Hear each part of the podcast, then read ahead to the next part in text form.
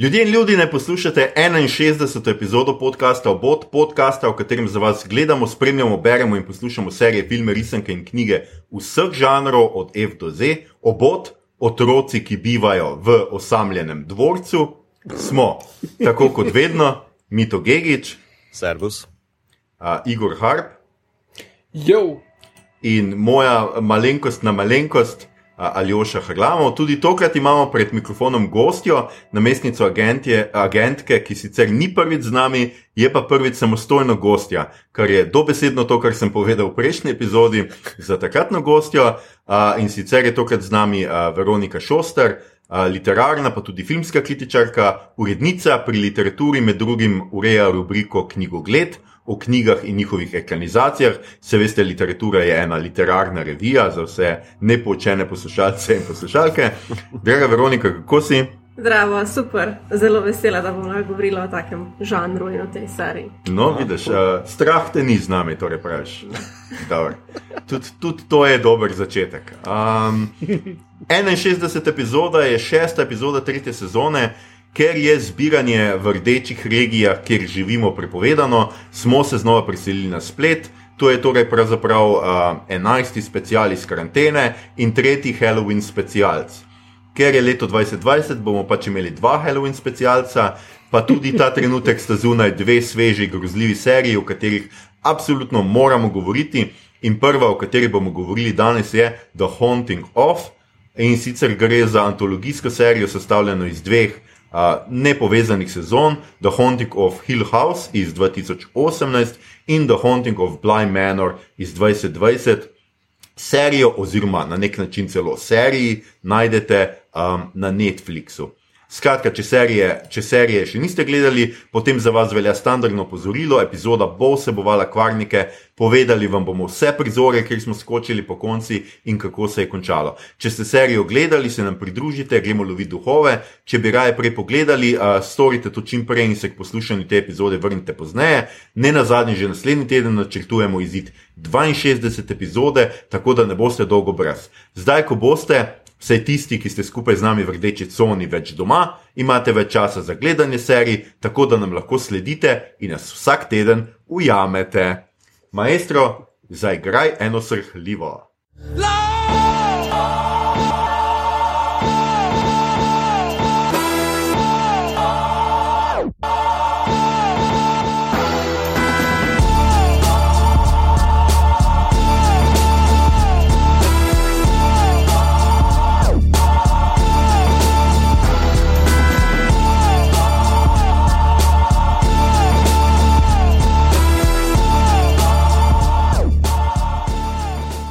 Hiša med hribi se je, neprisebna, samoti naslanjala na okoliške hribe in v sebi kopičila temo. Tako je stala že 80 let in bo nemara obstala še nadaljnih 80. Zidovi v njej so se peli navzgor, opeka se je lično držala opeke, tla so bila trdna, vrata pa preudarno zaprta. Med lesom in kamenjem hiše, med hribi je ždela tišina in kar se je kradlo po njej, se je kradlo v samoti. Tole je New York Times eh, proglasil za najboljši začetek grozljive zgodbe, grozljivke Ever, tako da to, kar ste slišali, je bil moj žametni glas, ki je skušal to prebrati in sicer iz novega prevoda. Ta prevod je kar relativno nov, išel je letos, a, naslov knjige je torej V hiši med hribi straši. Išel je pri Lučerpi, prevedla pa je uh, Tadeja, kaj sem že rekel, Tadeja Spruk, seveda. Um, jaz sem jo prebral, Veronika je prebrala, Igor je prebral, vemo, kdo ni prebral. Hey, fuck off, fuck off. Um, skratka, mogoče bomo, skratka, danes se bomo pogovarjali o, o, o eni seriji, o dveh serijah, pravzaprav jaz ne vem, kako naj se tega lotim. Na Netflixu boste morali poiskati vsako sezono namreč zase, ni tako, da bi imeli prvo sezono, drugo sezono. Svoj naslov imata, ne samo začetek, The Haunting of je podoben. Tako da mi bomo začeli tako, da bomo najprej se pogovarjali seveda o prvi sezoni oziroma prvi seriji, ki je šla 2018 in to je um, Hunting of Hill House, ki je ekranizacija deloma ali pa se naslanja na klasiko uh, žanrske literature 20. stoletja. mnogi pravijo, da najboljšo uh, zgodbo o duhovih, um, to je Shirley Jackson uh, v hiši med hrbi straši, ki smo jo že omenjali. In mogoče bi za začetek res. Um, Mogoče boš, Veronika, ti mal povedala, kako se tebi, ti si tudi prebrala knjigo, kako se je tebi zdela in ali je to res taka klasika uh, tega žanra. Pa ja, jaz bi v bistvu rekla, da res to čisto čist, uh, spada lepo pod klasike, ker je res uh, dober dokaz, je recimo to, da v Sloveniji sploh nismo imeli nobenega prevoda Shirley Jackson do par let nazaj. Uh -huh. uh, to je pa v bistvu te knjige so išle že pač v 50-ta, 60-ta. Uh, in ko se je pač pri nas pojavil prevod in potem ta serija je, se mi zdi, kar zaživela, ne? ker naenkrat tu in je bila zelo brana in to res pokaže, da pač v vsakem času neka taka knjiga deluje oziroma ima vedno povedati nekaj novega nek, nekmu pač času, kjer koli se nahaja. Tako da to res, uh, bi se kar strinjala, da je zelo, zelo super klasika. Mm, in tudi res, meni se zdi vrhunsko napisano. No. Res mm -hmm. s tem njenim nekim takim umirjenim stilom, um, tem opisovanjem, ki je res tako zelo doživeto, uh, plus ta njena ironija, ne, v bistvu. V bistvu Dajo neke pikre komentarje vmes, ne, se pravi, ja, pač mhm. smo res v hiši duhov, ne, straši pa to, ampak zdaj bomo dal noter enega enega, zdrav, mislim, enega tega doktorja, ki bo, mm. ki bo zdaj to preučeval, te nadnaravne pojave, ker pač on ima doktorat in bo zdaj to, ne vem, razjasnil in vse z nekimi aparaturami in z nekimi poskusi in z ne vem čem. Ne. Um, in tudi komentira malo meste prostore v hiši. Kaj se dogaja, in kako z nekim takim, s tako ironijo, zdravo. No. Se mi mm. zdi, da je kar glede tega zelo, zelo v bistvu tudi zabavno. Ne? Ni to samo kot neka ni neka taka grozljivka, da bi v bistvu te bilo tako strah, strah, ampak kot neko to vzdušje, da pričara, da se res pač predstaviš v to neko hišo. Mm. Uh, ja, jaz bi rekel, da ta ironija, njen uh, slog pisanja je tu, kjer se najbolj razlikuje od Kinga, ki je najbrž najbolj znan horor. Avtor vsej te ameriške tradicije pri nas, uh, ker on je uh, dost bolj resno vzame zgodbe, ne glede na to, koliko so včasih neumne. Uh, dost bolj uh, hoče like približati, hoče, da ti je mar za nje. Ne? Ona pa ne tako prav. Ne? Ona hoče, da imaš neko distanco do teh likov, vseeno, in se malo norčuješ iz njih, občasno, če je treba. Uh, in uh, uh, mislim, da, da je to zelo lušen pristop uh, k hororju. Uh, Tako da meni je bila blazno, blazno všeč. Smo pa že nekaj brali, vem, da na faksu, ampak zelo malo, tisto kratko zgodbo Loterija, ki je zelo znana. Uh -huh. Ampak uh, tale roman je, je pač uh, še boljša. Kako se tebi zdela mita? Ja, knjiga ne vem. ne, imam angliško verzijo, pa jo bom prebral, za slovensko pač nismo imeli časa, da se ujamemo. Tako da mm. tu lahko samo rečem, da. Um, zaupam vajni presoji, oziroma vaši presoji. No. no, hvala ti lepa.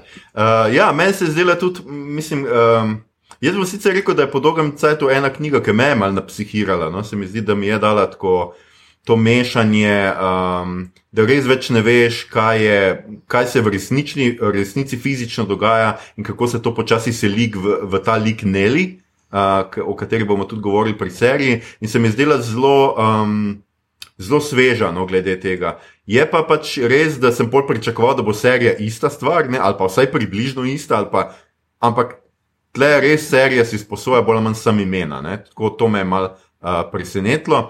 Uh, mogoče bomo več o, knji o sami knjigi govorili uh, tekoma mestoma, ko bomo govorili o sami seriji.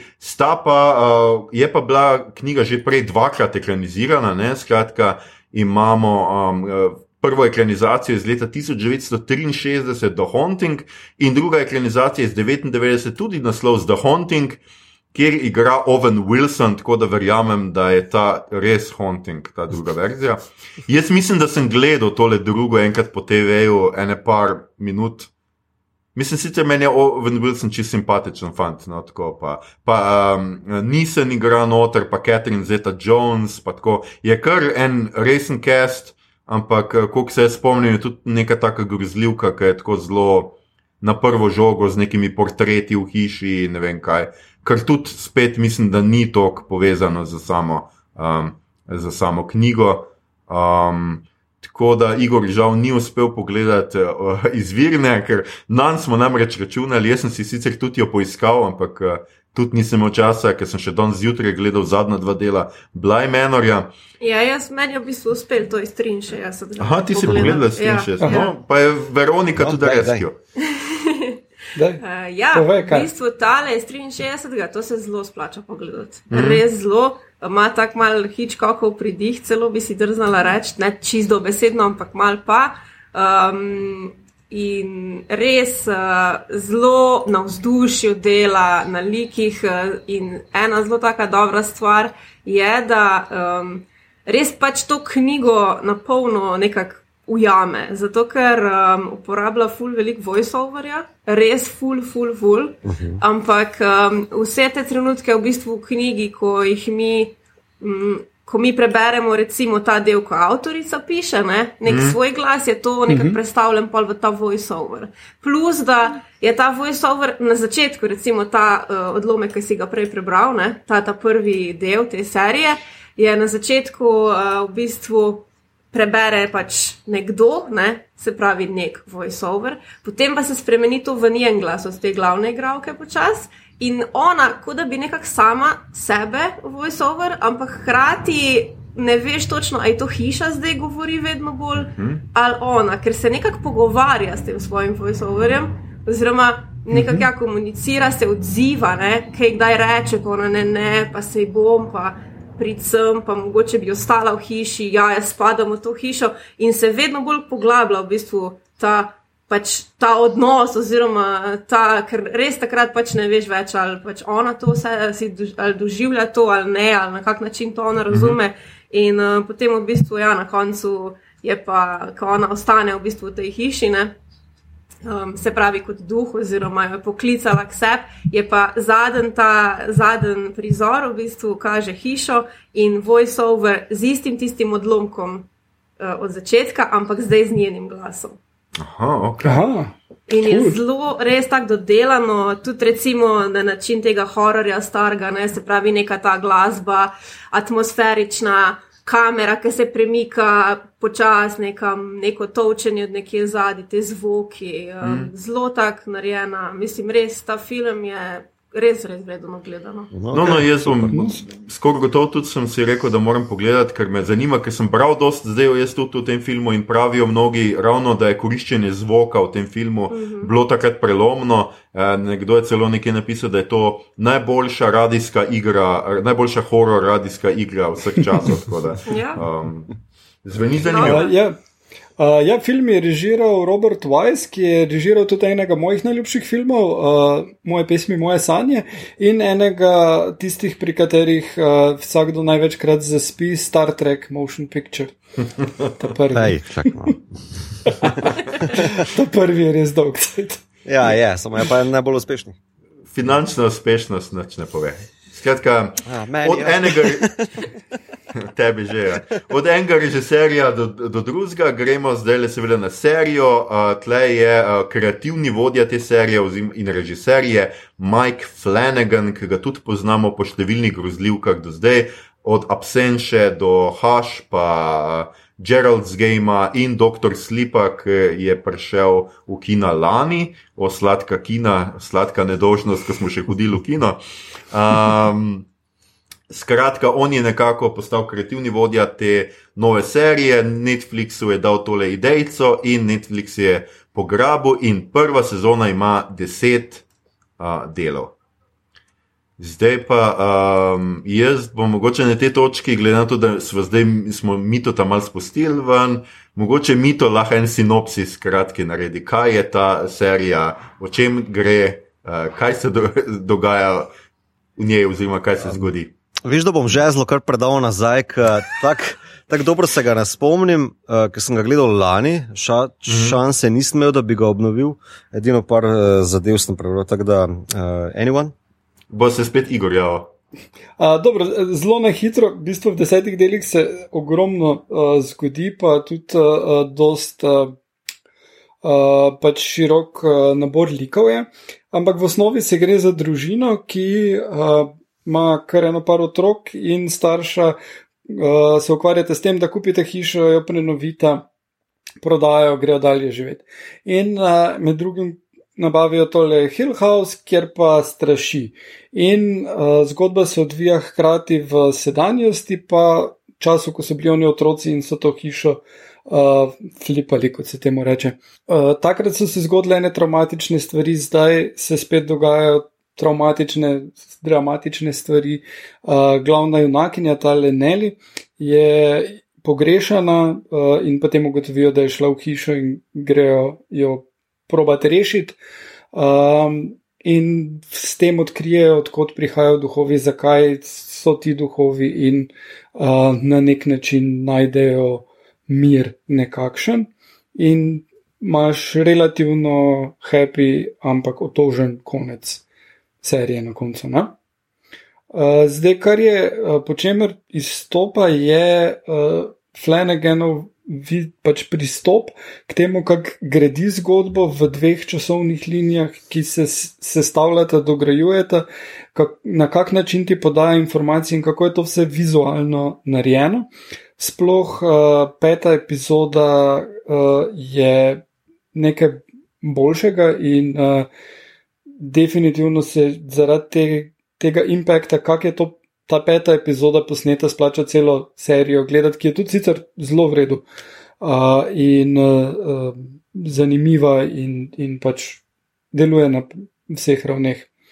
Uh, zdaj pač zasedba uh, je, da tako očeta in mati igrata Huisman iz, ta, iz Igre prestolov, Darijo Naharis, pa Karla Džužino, ki mislim, da igra bolj ali manj v vseh Flanaganovih filmih, pa tudi še dost kje potem pa so otroci, ki so uh, mladi in odraslih verzijah, pa med njimi recimo je dosta izstopa Kate Siegel, po mojem, ki je uh, žena od režiserja in igra Teodoro. Tukaj v Bly Manor pa igra uh, tole Violet. Uh, pa potem je še tale uh, Viktorija Pedreti, ki igra tole Nelly, uh, pa tudi igra glavno junakinjo v uh, Blymanerju. To bi bilo to, za en kratek povzetek, kaj bi še. Kaj pa je vam tako najbolj izstopalo, kaj bi najbolj izpostavili, kaj glede zgodbe ali bolj um, Jaz bi rekel, vizualne atmosfere, pa um, ta nek zanimiv pristop, uh, v, uh, da postavlja v okvir v sliko noter, uh, ful neko prezenco. Ne? In s to prezenco, kao prisotno ali pa ne prisotno, se ful poigrava. Ne? Uh, prav pri Bly Manoru sem našel en video, tudi uh, ko je nekdo šel štet, koliko krat se pojavijo duhovi v ozadjih. Uh, naprimer, mm. en je naštel 70 krat v 8, 8 delih, mislim, da v Hill House je zelo podoben pristop, kjer imaš non-stop občutek, da te nekdo gleda, zasleduje, da od zadaj nekdo posluša ali pa mm -hmm.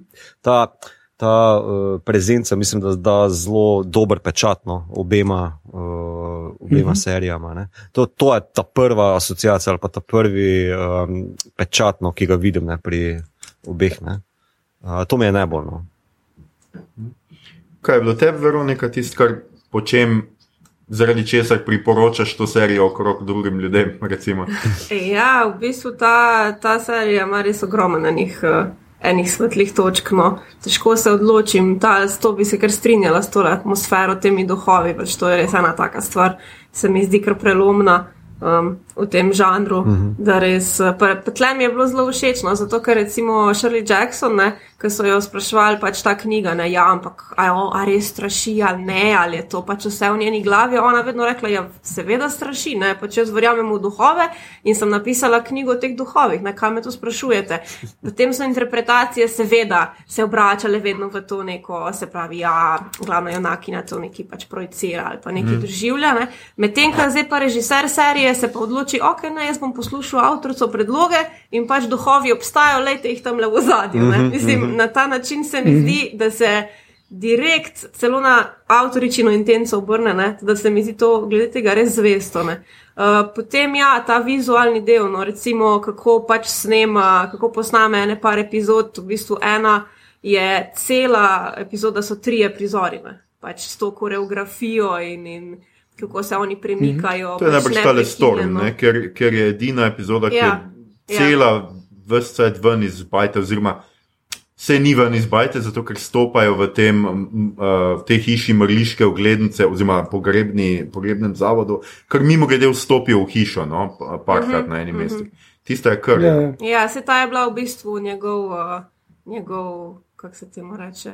Eh, da je predstavil no, svojo idejo sploh za to serijo Pitch. Ja, je bila, je bila mm -hmm. prav ta no, mm. na ta način. Ful je mm zanimiv pogled, kaj prav video obstaja, kako so to snimali. Uh, koreografijo, mm -hmm. kako se vsi premikajo, preproga sem luč tja, pač mhm, vsi mm -hmm. hodijo, mm -hmm. da to se, to se dobi uh, zelo. No. In um, po mojem je tudi to, da v resnici on. Uh, te, ti reče, ja, ja, tle imamo zdaj mi neko serijo o strašenju, ne vas bo full strah, to je horor, ampak potem v bistvu v tej in v uni, uh, na, te na najnovejšine. Um, kar naenkrat v bistvu ugotoviš, da si sred neke družinske drame, prebolevanje, žalost, žalovanje, kako se kdo spopada, neke dinamike, neke te stvari. Um, in te v bistvu kar, kar okrog obrne s tem. No? Mm -hmm.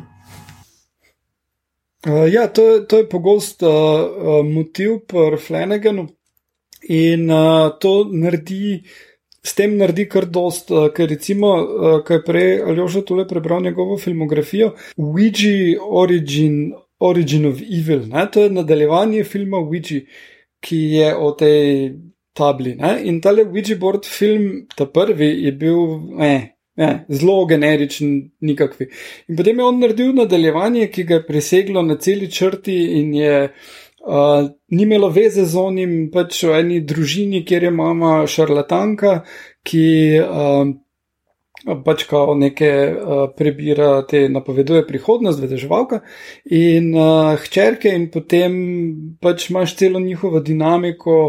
Uh, od tega, ki je tam odsotno oče, od tega, da hčerka starejša začenja se jo biti sram svoje mame, ta mlajša hčerka, uh, ful meni, da mama res nekaj pač ve in obvlada in pač odlično to dinamiko vzpostavi in poleg tega totalno prestraši. Tisti film je resno skeri, medtem ko Ouija, ta prvi film, niti malo. Ne?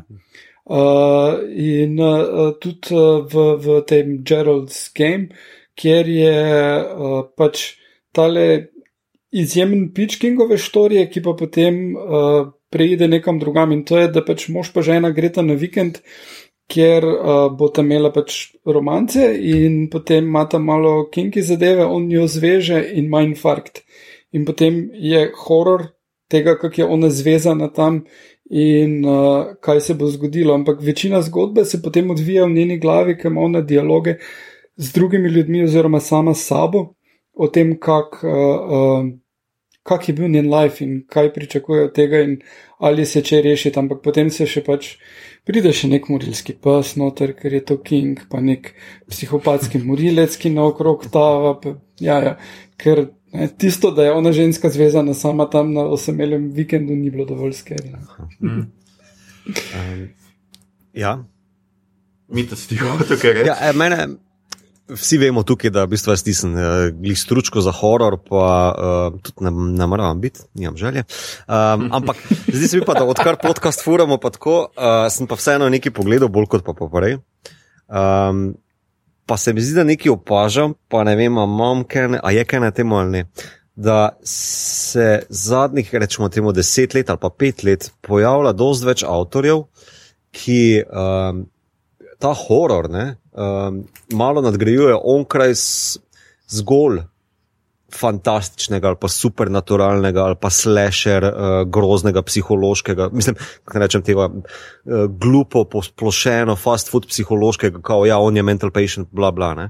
Da v bistvu eni mm -hmm. avtori, rečemo Aster pa uh, Flanagan, tukaj se v bistvu ukvarjata v neki osnovi za družinsko dramo, za družinsko tragedijo, potem v uh, drugi seriji je ta uh, bolečina pred izgubo, pa ljubezen, pa spomin, naprimer, ne? v Hereditary imaš podobno, ne? Uh, mm -hmm. ta družinska družinska foras. A, a je nekaj na tem, da se mogoče za ti sodobni avtori, ne zgolj ona dva, skušajo horor predstaviti v tisto prostor, kjer je dejanski horor, ne? torej v družinski drami in izgubi pa spominu? Ne vem, pa se bi sam dozdeval to. Ne, jaz mislim, da kar. Uh, Igor, boš ti.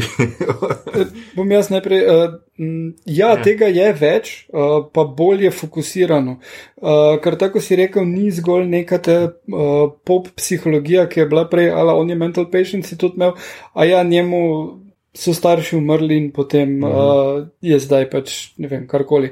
Uh, dost bolj so razložene, dost bolj raziskuje te ta čustva, ki privedejo do nekaj takega, pri čemer je potem tisto nadnaravno ponavadi neka manifestacija uh, vsega skupaj.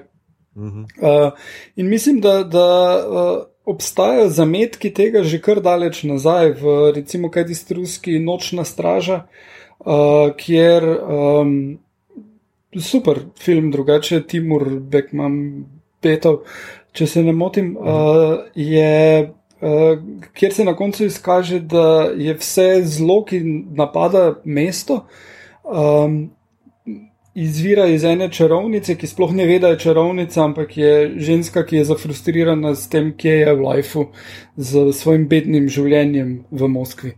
Um, in uh, se to potem manifestira na vzven. Ne. Mhm. Je dosti bolj no, pop-psihološko, ampak gre, uh, gre, so bili zametki te struje že, mm -hmm. že vem, 15 let ja, nazaj. Ja. Meni je ptiči, naprimer, tukaj bolj več ptiči so mm -hmm. eksternalizacija materinih frustracij, bla bla. Mm -hmm. uh, ampak zdi se mi pač, da uh, od 20 naprimer, je dosti večji porast tega. Nekako, kot da, ko da se mi zdi, da so avtorji uh, dognali, da lej, sodoben, poprečen gledalec horor žanra nekako razume, kaj so mentalne bolezni, nekako bolj kot pa v 60-ih ali pa 70-ih, pa 80-ih. Naprimer, da mogoče ta pristop do tega bolj tehten ali pa da se vsaj uh, več o tem. Uh, da skušajo malo več tega noter operirati, ne zgolj teh površinskih zadev. Ne. To se mi zdi mogoče, kao, ker ja, samo te supernaturalne, naturalne, uh, nadnaravne zadeve, ki so potem uh, inštalirane noter, kot pač se spodobi za žanr, ampak pač ta psihologija ne, se mi zdi malo bolj razdeljena. Zdaj pa, Če se mi zdi, da to, to mogoče nek premik bolj. No, mm. kot, uh... Jaz mislim, da tle tudi ne smemo pozabiti, da, pač, da je žanr že kar izrabljen. Mm -hmm. Recimo pač hiša, kjer straši. Pač to smo videli že milijonkrat. Uh mhm, -huh, to, uh mhm. -huh. Mislim, vsakeč, ko se neka familija vseli v staro, razpadajočo ali pa neko hišo, ki ima neko predzgodovino, vemo, kaj bo. Uh mhm. -huh. In jaz mislim, da je tudi mal ta ideja, da pač žanr ne prenese, žanr sen prenese sam nek do neke mere. Polk ti vidiš tri, štiri te filme, ti je pač že tako, ali ti bo naslednji dal nekaj novega, ali bo samo repeticije istega. In je lahko ful dobra repeticija, ampak je še zmeraj repeticija. Mm -hmm. Mislim, da je tle tudi. Ena potreba po tem, da pač uvedemo v žanr, pa, eh, pa sodoben, plus to, da je sodoben gledalec postal neverjetno zahteven. Ne? Uh -huh. um, mi še, če bi Witcherja dali ven 10-15 let nazaj bi bili vsi navdušeni, kakšen fantasy je, je to. Ne? Še po Game of Thrones pa vsak fantasy zgleda, da ta je malo bolj simpel. Pač. Witcher ima pač tako, je malo bolj simpel. Uh, in, in ga primerjamo s Hulkom, pa Kseno, ne? ker mu absolutno je tudi mal uh, ni fair do, do Witcherja. Oh, Ampak se mi zdi, da vseeno avtori. No, ja, ampak vseeno se mi zdi, da dan danes sodobni gledalec zahteva mogoče tudi od žanra že mal vedno uh, precej več. Uh mhm. Kar je meni mogoče bil ena glavnih zanimivih stvari pri tem. Um, enako se strinjam z enim kritikom, ki je to pisal na eni spletni strani, ker sem danes bral te reči, je, da, je, da sem jaz bil veččas uh, prepričan, da horor žanr zelo težko deluje v seriji. Aha. In sicer v seriji, ki ima več delov, ta ima deset delov in Nekateri od teh delov so tudi po uro dolgi, ne? mislim, da je en celo uro deset. Mhm. Zdaj ne vem, ali je prvi ali kateri, en je uro deset ali pa vsaj, vsaj en, ampak mislim, da sta vsaj dva. Uh, in tako. Preprosto jaz za grozljivko rabim uh, vzdušje, atmosfero in da se to počasi gradi, gradi, gradi. gradi. Uh, in tle v seriji pa mislim, da to seveda ne gre tako, ne? ker zdaj ti lahko računaš na ene, ki bomo to pogledali na mah, da ne uporabim binč na mah bomo to pogledali, ampak dosti ljudi pa ne bo. Ne? Uh mhm. -huh. Dosti ljudi pa bo mogoče pogledati en del, dva, mogoče enega sam na večer in tako naprej. In ti vseeno moraš zdrževati neko napetost. Skratka, struktura mora biti čist drugačna od nekega horor filma. Ker tudi grozljivka ne sme biti predolga. Ne? Horor filmi nikoli poprečno so to še najbolj krajše uh, žanrske Uh, včasih zadeve. Ne imaš uro, pa po dve uri, težko boš ti mogel grozljiv kot tri ure, pa nekaj, ker pač so ljudje poskušali. No, pa iti je v dveh delih, ne pozabimo, mm -hmm. ampak koga je bilo strah pri iti. no. ja, mislim. In to, in to se mi zdi, in to je mene. In nekje ponekod mu je ful ratalo, pač kako ravno s tem, s to zgodbo, jaz mislim, da za strukturo, kako je to skupaj zložil, z zanimivimi in psihološko ne najbolj preprostimi liki, in da pač to ni grozljivka, ker bi ti imel ta uh, jump scare. To smo že enkrat super prevedli, moram. Pa sem zdaj že pozabil, kako smo. Strahoskok. Strahoskok ali nekaj takega. Ja. Ni teh, ja, ni teh strahoskokov tok. Um, in v resnici je mene ta serija mogoče prestrašila v prvi sezoni enkrat ali dvakrat, in pa v drugi mogoče enkrat ali dvakrat, v drugi še manj, verjetno. Pol, če me v prvi sezoni trikrat, me v drugi mogoče enkrat. In to je to, ne. Ni to, ni to serija, ki bi res ponujala grozo in se, ki se tudi ne trudi za grozo na vsakem koraku, ali pa za neko končno. Meni je na koncu, recimo, najmanj me bilo strah od vsega, ne? v zadnjih dveh delih, ne v obeh serijah. Te je najmanj v resnici strah uh, česar koli začetku se mi zdi, da se še nekaj začne. Tako da to je meni tisto, kar me je zanimalo in mi je bilo zelo. Um, in se mi zdi, da tudi zaradi tega, skratka, prvič, jaz mislim, da žanr pač rabi že neke nove stvari, drugič pa jaz se bojim, mislim, jaz mislim, da serija bo zelo težko, razen da delajo to antologijsko serijo, da je vsak del. Svoja zgodba. Uh -huh. Zelo težko serija, rata grozljivka, če ima deset delov ali pa nekaj. Ne? Sicer so tudi te učitali, uh, obema sezonama, da sta malo predolgi. Ne? In jaz se strinjam, da mogoče prva, bi rabila kakšen del ali pa dva manj. No? Ja. Um, ja, tudi druga. Tako da. Pravi, kar za let. Ja, malo manj, v resnici.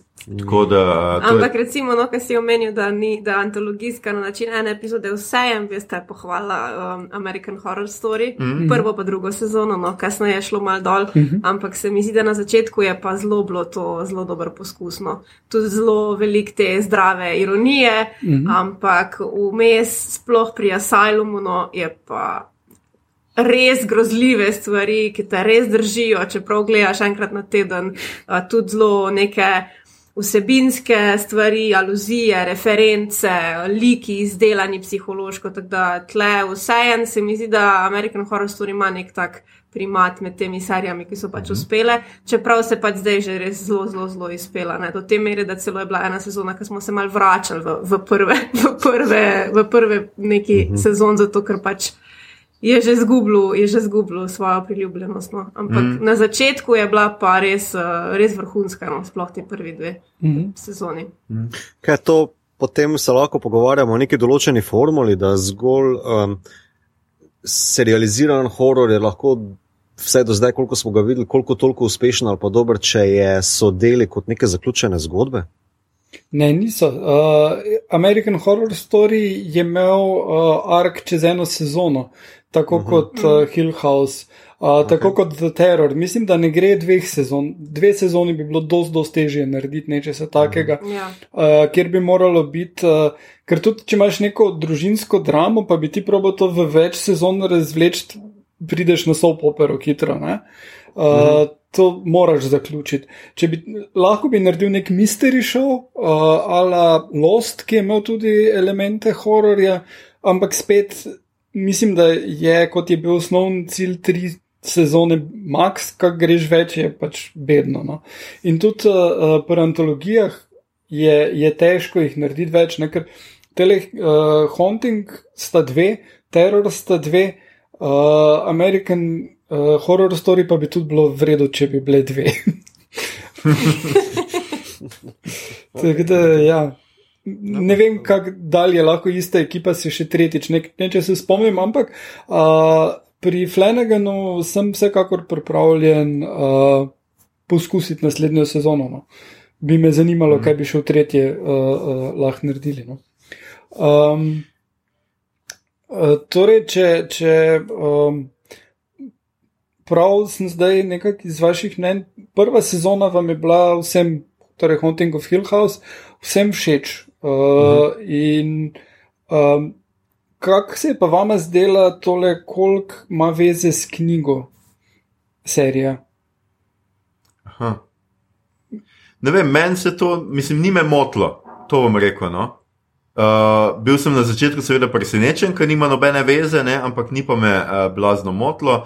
Uh, se mi je pa zdelo, da je vseeno uh, zelo pokimala nam, oboževalcem knjige na nekaterih mestih. Ne? Skratka, ta doktor, ki ga je omenjala Veronika, je njen psihiater od Nel, uh, ko je starejša, ne oziroma isto ime, no, ni, ni on, ne? ampak ima isto ime. Seveda, ed, eden od likov je Shirley, je ime Shirley, ne? čeprav ta lik, iskreno povedano, je najbolj. Brezvezen v tej seriji, sezoni, ki nima nobene vloge, ta Shirley, razen da je pač uh, uh, skratka pogrebnica. Um, tako mene ni neki blazno, nisem izdelal, da je treba to, ampak se mi je zdelo čist fino, da se mal, uh, mal pomežikne nam, ki smo brali knjigo. Ni pa me zdaj zmotilo, da ni ekranizacija, ne vem, Veronika. Ja, meni je v bistvu všeč, zato ker če gledamo na sta prej dva filma, že en zelo kulten, ki gre res po knjigi, včasih do črke, ne, s temi prizori in celo gradnjo pač vseh prizorov naprej.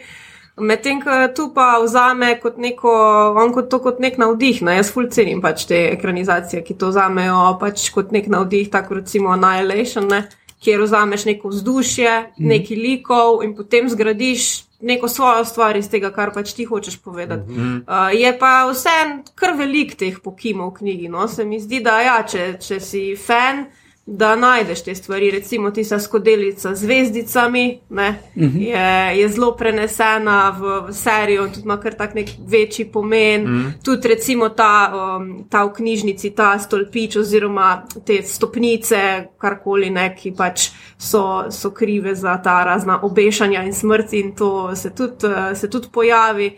Uh, tako da je kar nekaj teh stvari, no, ki, ki jih lahko pač najdeš uh, iz knjige. Uh -huh. Ja. No, to je res. Ja. Velike se tudi aluzije na Kingove knjige, ne? to sem mm -hmm. že jaz tako vmes. Um, Uh, recimo, pač id, tle se tudi odrasli spopadajo s svojo otroško travmo, uh -huh. uh, samo mora matere, potem seveda Shining, tudi tle imamo Red Room, se pravi rdečo sobo, oziroma Murder, če preberemo nazaj, pa sposobnosti Teodore, malo so nekako tako Shining, jaz sem vmes razburjen, že pisal Igor, pa mi to, oh, fuck, a tam ima Shining. uh, pa seveda sinu, ki. Uh, edinemu sinu, ki piše grozljivke in skuša družinsko travmo z njo zaslužiti, je ime Steven. Sicer z VM, ne s PH, ampak ja, tle smo. Ne?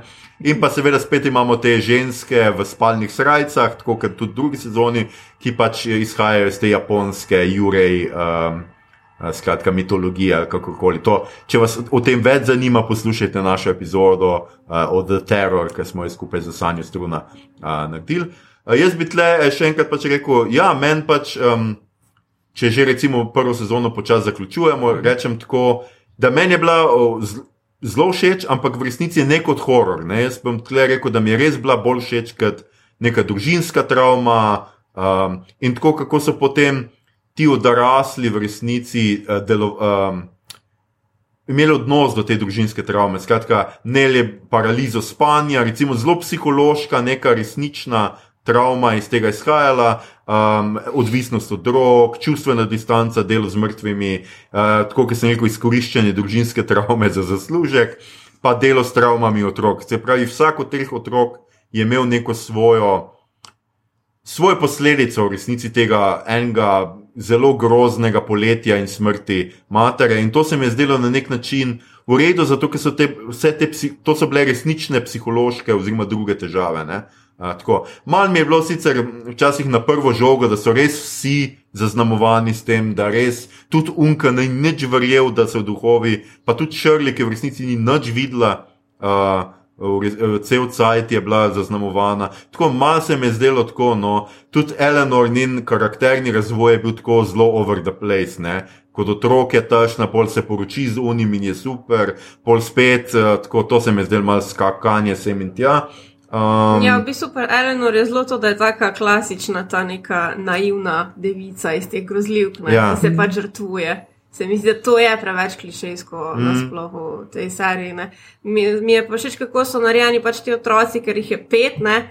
in posebej pač vsak to eno stopnjo žalovanja, mm. kako se pač spopadaš z neko travmo. Mm. Um, in mi je v bistvu v redu, da je vsak zaznamovan na nek svoj način, ker v bistvu bi, bi to v resnici tudi tako najdeloval. Mm. Na ta način me, me ni tako motilo. No, pa skratka, meni je bilo všeč v resnici ta struktura, tako kot sem rekel, kako on ukrivi prostor in čas, da zloži mm -hmm. celo zgodbo sku, skupaj, kar bomo pač v naslednji zdaj sezoni, ki se počasi bližamo temu, še bolj, um, še bolj uh, tega, uh, še več tega videli. Um, Pa mogoče si tudi tle zapomnimo, da je tudi že tle se dosti pojavilo motivov dvojnika oziroma dvojčkov. Skratka, imamo neke paralele med nekimi zgodbami večjih parov in tako naprej. In skratka, smo v drugi sezoni. Druga sezona je iš, eh, prišla letos, pravzaprav prejšnji teden. Mm -hmm. uh, mi, mi smo se zelo potrudili in vse pogledali, uh, tako kot sem jaz rekel, jaz sem še danes zjutraj gledal zadnja dva dela. Pa ne zato, ker me je bilo strah, ampak zato, ker včeraj več nisem mogel. Um, Igor, ti si eh, največji strokovnjak za Henrija Jamesa, tle pa Veronika, tudi brala sem videl na Gudricih. Tako da mogoče poveš, skratka, ta naj bi se pa navdihovala druga sezona pri The Turn of the Screw, uh mhm. -huh. klasiki ameriške književnosti Henrija Jamesa iz 1898. Uh -huh. Ja, uh, Henry James je. Um, ameriški pisatelj, ki, ni, um, ki je bil ravno na meji uh, modernizma in v njegov, nekaterih njegovih delih uh, so ti vplivi že dost vidni. Tale je dost zgodna in je še relativno tradicionalno napisana, ampak je uh, slovnična struktura pa pač nek miselni tok skozi je že malo bolj zahteven. Zdaj, Henry James ni bil nek žanrski pisatelj, ki kot ne vem, bi rekel, recimo King ali pa uh, tudi Shirley je bila dosti bolj žanrska, on je samo občasno uh, naredil kako tako, drugače delal bolj drame.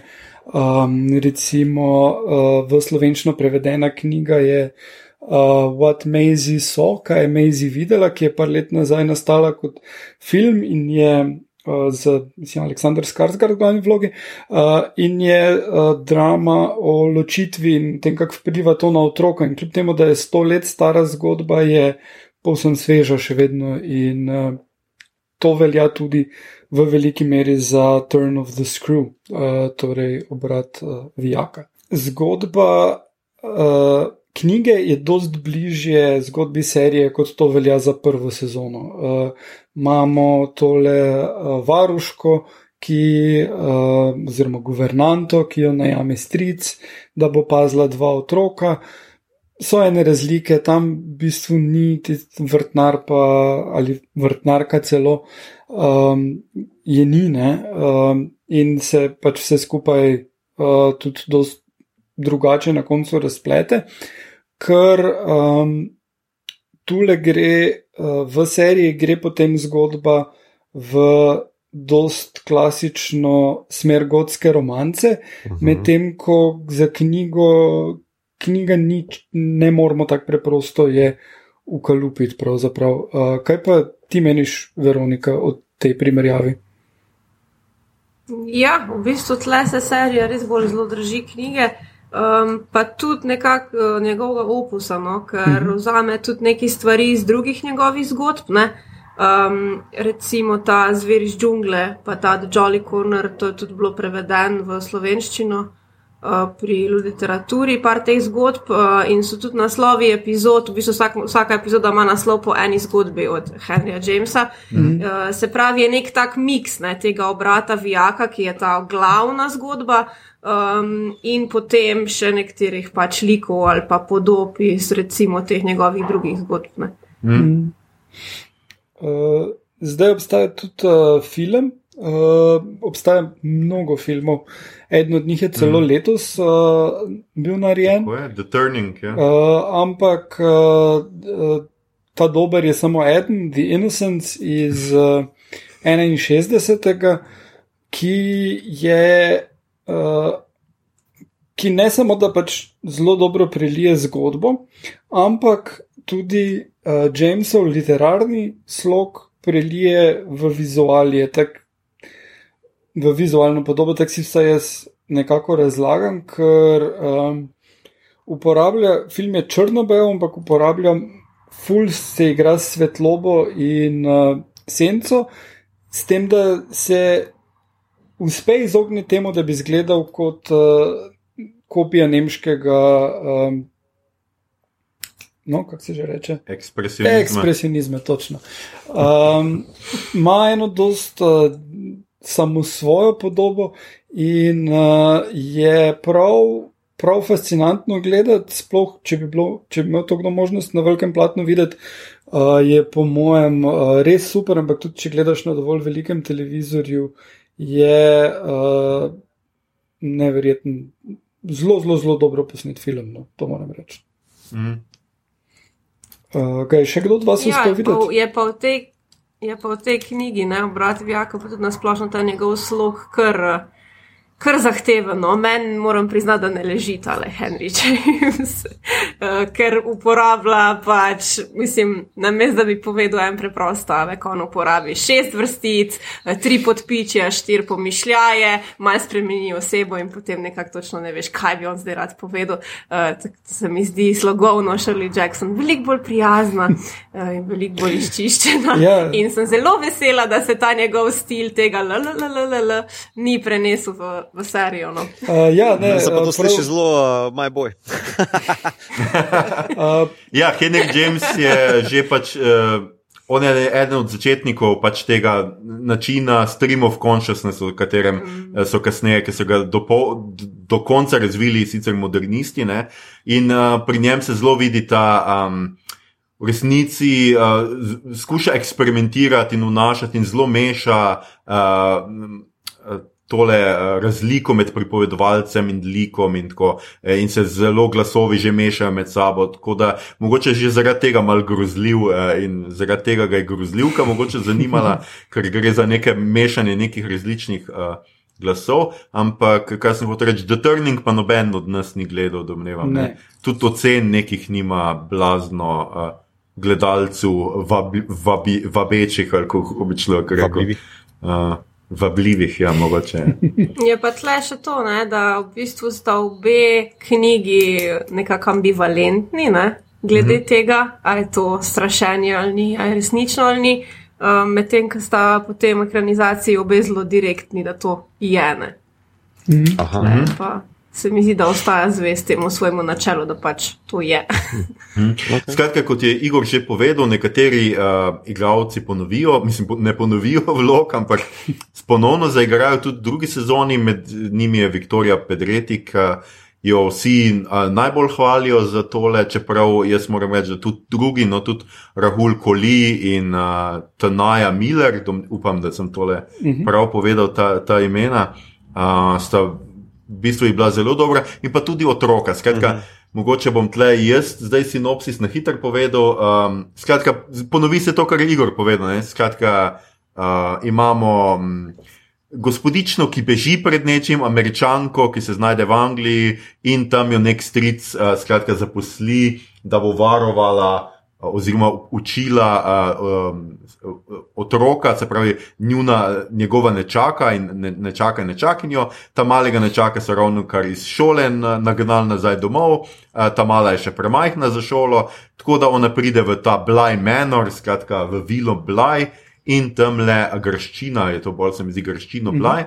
in tam skratka prevzame. Uh, izobrazbo teh dveh otrok, in v tej hiši je kup nekih lutk, Skratka, za tiste, ki ne marate preveč ljudi. Ja, uh, kup je nekih ljudk in čudnih, in, zelo velika spet hiša z ogromno koti, kamor se lahko marsikaj skrije, kjer se lahko marsikaj nenadzorovano premakne. In ona tam seveda začne videti neke duhove, nadnaravno, hkrati pa, pa z njo že itak vse čas zasleduje duh uh, gospodiča z uh, žarometi v očalih. Tako da uh, tole bom to in mislim, da od tle gre zgodba uh, samo uh, naprej. Uh, čeprav spet je to grozljivka sploh. Ne. Mislim, ima elemente, ampak meni je tako, kot je Igor že rekel, mm. uh, to je go, meni je gothic romance. To, uh, mm. ja. Zdaj, praviloma pri gotskih romancah imaš uh, žensko, ki pride v eno ogromno hišo, praviloma starejšo, uh, ampak običajno ona pride tja uh, zaradi moškega. Ne? mm. in je ujeta tam ali kakorkoli in se zaradi tega drugega moškega uh, reši, zdaj pa tukaj pa v bistvu ona pride tja, ker beži pred moškim in jo reši v bistvu potem na koncu ženska oziroma dve. Ženski, ja, v resnici beži pred moškimi na nek način. Ne, ne samo pred enim, ampak pred vsemi moškimi. Ja, ja. Uh, ta način, no. ja, te američanke. Subverzivno je sfak. Ja. uh, ja.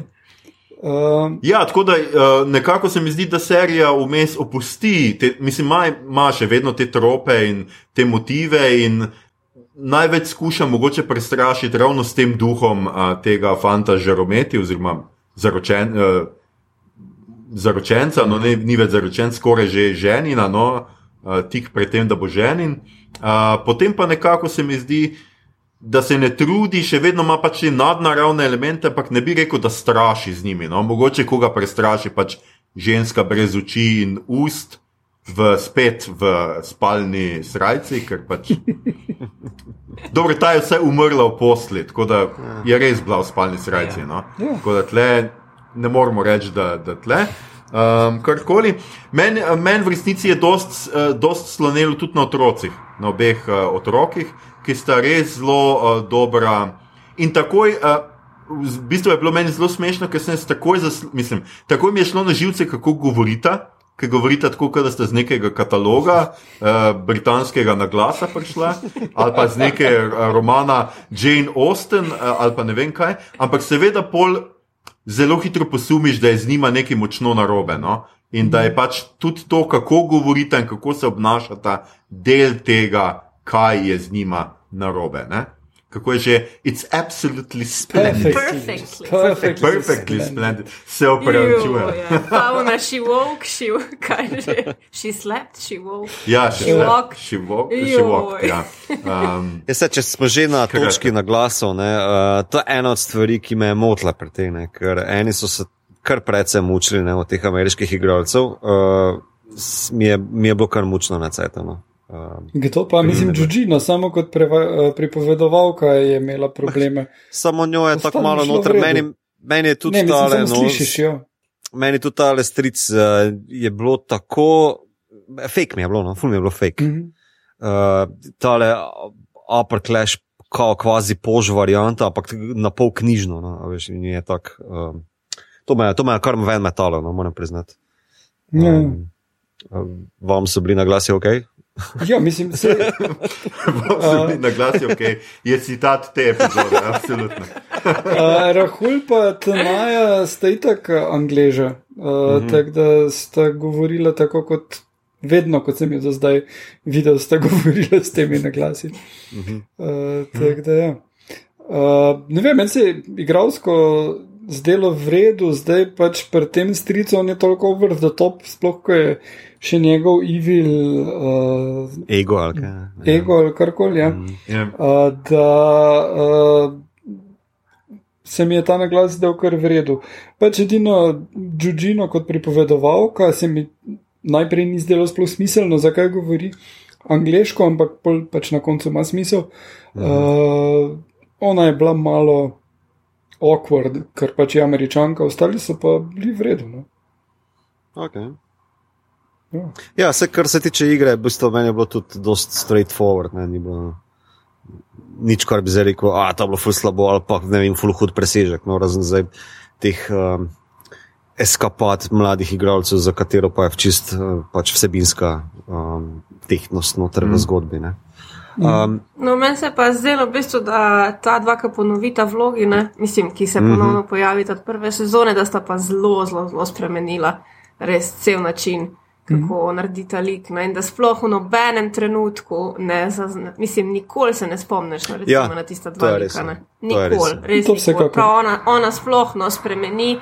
Celo mimiko, pa kako govori, mislim, intonacijo, višino, barvo, um, kak, mislim, vse skupino. Mm. Res se mi je zdelo, da ona sploh se totalno mm. tle prelila v to vlogo. Ja, bi kakšno rekli okrog, ker smo že prej omenili uh, neke teme, ne? tukaj tam je najbolj svež. Pač, uh, um, tema te antologije. Ne? Zdaj, ljubezen kot gotska romanca, bi bila to tema ali pač nekaj več?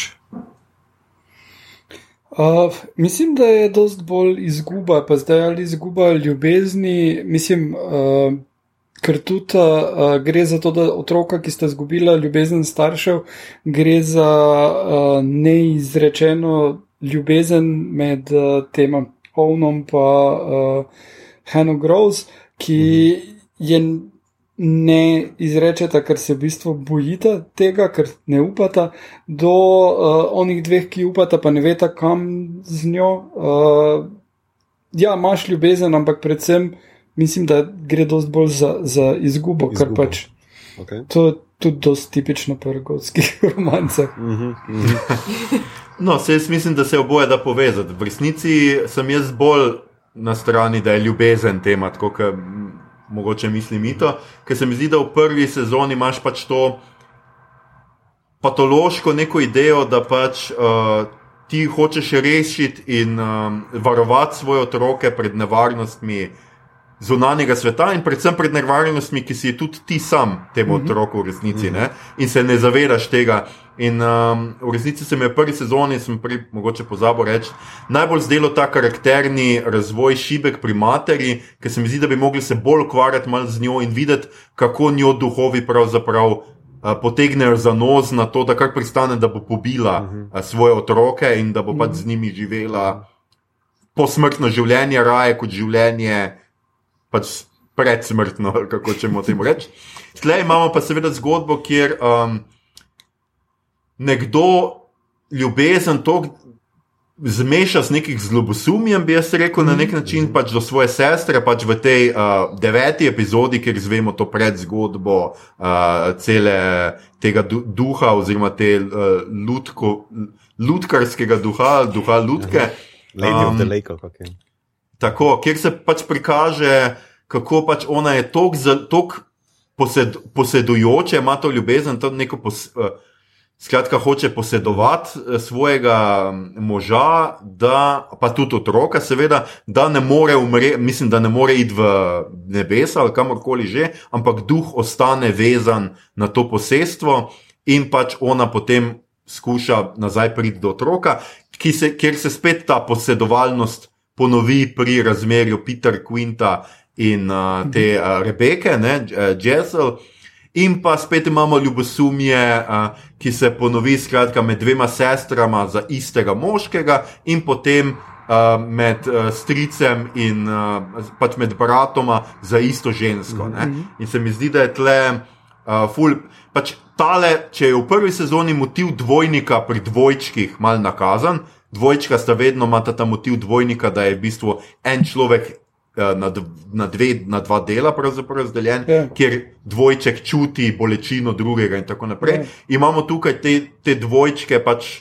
Noro, povsod okrog. Ne? In meni je bil ta motiv dvojnika pri tem stricu bil super. No? Uh, ta le tip kar dober eh, odigra, kripi strica. Ja, Čisto smešek, kar. kar. Ja, ja, ja. Tisti je bilo meni kar ok. You got it, prosim, ne se mi približevati v temino. Uh, in pa seveda lutke, v končni fazi, ne te njeni talismani, lutke so spet dvojniki živih ljudi mm. in kjer je lutka, tam je pravzaprav se dvojnik. Uh, prikaže. Čeprav meni je bil. Pa hiša, v bistvu maketa hiše. Tako, pa maketa dvojna. hiše kot dvojnica ja. hiše. Spet, meni je bil to taki uh, kliše malo že, ker v Herediterju mislim, da je bilo to dosti bolj eh, inovativno izkoriščeno. Ker to pa bilo že tako, veš, uh, v Herediterju ima mati, ne, tudi uh, one umetnice, ki delajo te mm -hmm. uh, diorame ne, oziroma hiše, pa se pol ponavljajo te horor scene noter. Um, In je bilo malo bolj originalno. Tukaj pa takoj, ko sem videl hišo, pa one lutke, mi je bilo vse jasno. Tak, takoj na prvo žogo, vse veš. Mislim, ja, tako Harry Potter. Ja, ja, ja, ja. to je. To je. Zlo, mislim, ja. v bistvu direkt iz Harry Potterja ja. ta zelo. Miščiva, čivne.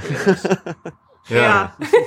ja, ampak očitno ima vseeno uh, režiser neko veselje do podvajan, pa do načrta. Ne, tudi v prvem smo imeli, je eh, žena riše te načrte mm -hmm. in ti v resnici v unem načrtu, ko ga da, ti vse pove. Ne, ta tisti načrt res pokaže, kako je hiša.